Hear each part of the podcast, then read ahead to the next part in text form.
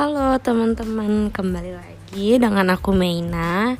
Yang kali ini bakal bahas uh, bab 6 Yaitu tentang medpen um, Jadi uh, mula-mulanya pada bab 3 itu kan berisikan informasi terkait metodologi metodologi penelitian yang dilakukan. Bab ini menjadi sangat penting karena terkait dengan validitas sebuah penelitian yang dilakukan. Karena validitas sebuah penelitian sangat bergantung pada pendekatan metode yang digunakan serta rasional atas pemilihan metode analisis yang dilakukan dan tahapan prosedur analisis yang dilakukan. Dalam bagian ini harus dijelaskan metode dan tahapan analisis yang dilakukan untuk menjawab perumusan masalah serta bagaimana interpretasi atas hasil statistik ekonometrik dapat dijelaskan berdasarkan parameter-parameter yang ada. Dengan kata lain, bab 3 berisikan sebuah research protokol yang menjelaskan prosedur metode analisis yang dilakukan dalam penelitian ini. Dalam hal ini, subsection dalam bab 3 antara lain yang pertama ada ruang lingkup penelitian. Yang kedua, definisi operasional variabel. Yang ketiga, metode pengumpulan data. Dan yang keempat, ada metode dan tahapan analisa. Dimulai dari yang pertama, ruang lingkup penelitian, yakni ruang, dalam e, ruang lingkup penelitian diinformasikan bahwa ada batas-batas penelitian yang antara lain menginformasikan rentang waktu penelitian, variabel yang digunakan, serta lokasi penelitian dan metode analisis yang digunakan. Yang kedua, e, definisi operasional variabel Bagian ini menjelaskan definisi operasional variabel yang digunakan dalam penelitian dan menginformasi bagaimana secara matematis perhitungannya. Yang ketiga, metode pengumpulan data bagian ini menginformasikan sumber data yang digunakan yang secara umum adalah data sekunder didapatkan secara online. Oleh karena itu, perlu diinformasikan lembaga atau institusi yang mengeluarkan data tersebut seperti Biro Pusat Statistik, atau BPS, Bank Indonesia, serta Bank Dunia. Yang keempat, metode dan tahapan analisa. Pada bagian ini menjelaskan tentang prosedur analisis yang yang diguna yang dilakukan dalam penelitian ini. Sebagai contoh, ketika dalam penelitian ini menggunakan model analisis uh, error correction modeling, maka tahapan yang dilakukan sebelum merunning model ECM antara lain uji akar-akar unit, uji kointegrasi, dan uji kausalitas. Selanjutnya, setelah melakukan uji sebelum model SCM, maka dijelaskan tentang model yang digunakan dalam hal ini ECM dan selanjutnya uji diagnosis atau uji asumsi klasik jika menggunakan model regresi berganda.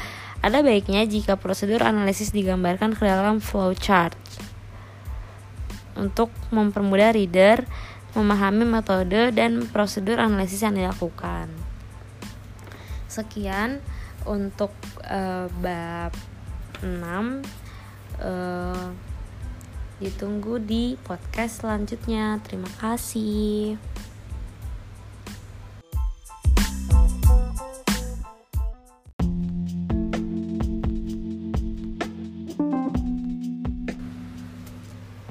Teman-teman, kembali lagi dengan aku Meina. Yang kali ini aku akan bahas bab 7 yaitu penulisan pendahuluan. Bab 1 yaitu mengenai pendahuluan sebaiknya ditulis setelah mengerjakan bab 2 dan bab 3 seperti yang sudah disebutkan di podcast sebelumnya. Hal ini dilakukan karena bagian pendahuluan sangat mungkin untuk dirubah seiring dengan perubahan di dalam proses penyelesaian literatur review dan metode penelitian. Yang dalam proses penyelesaian menemukan hal-hal baru. Secara umum, dalam penulisan pendahuluan ada lima hal pokok yang wajib ada.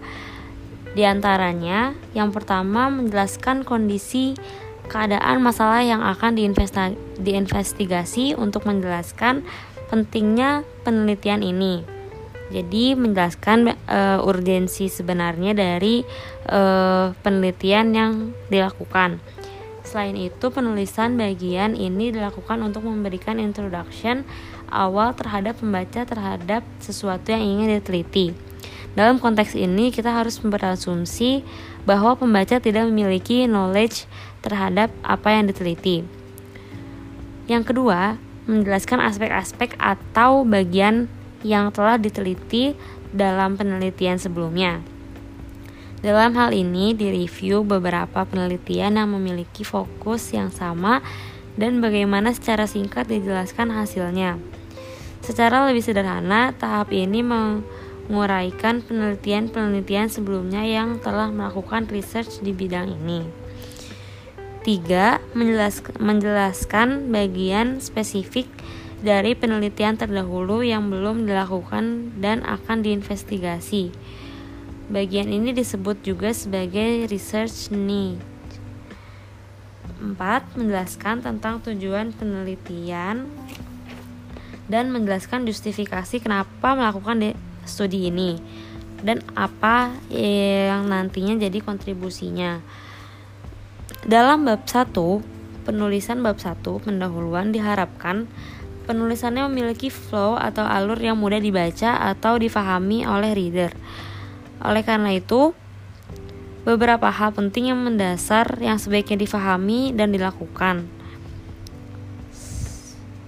Ada beberapa ada beberapa poin. Yang pertama, sebelum memulai menulis buat terlebih dahulu kerangka tulisan atas poin-poin yang ingin disampaikan dalam setiap paragraf. 2. Dalam satu paragraf sebaiknya hanya ada satu main idea dengan format dasar satu induk kalimat dan ada beberapa anak kalimat. Sekian yang dibahas pada bab 7. Ditunggu di podcast selanjutnya. Terima kasih.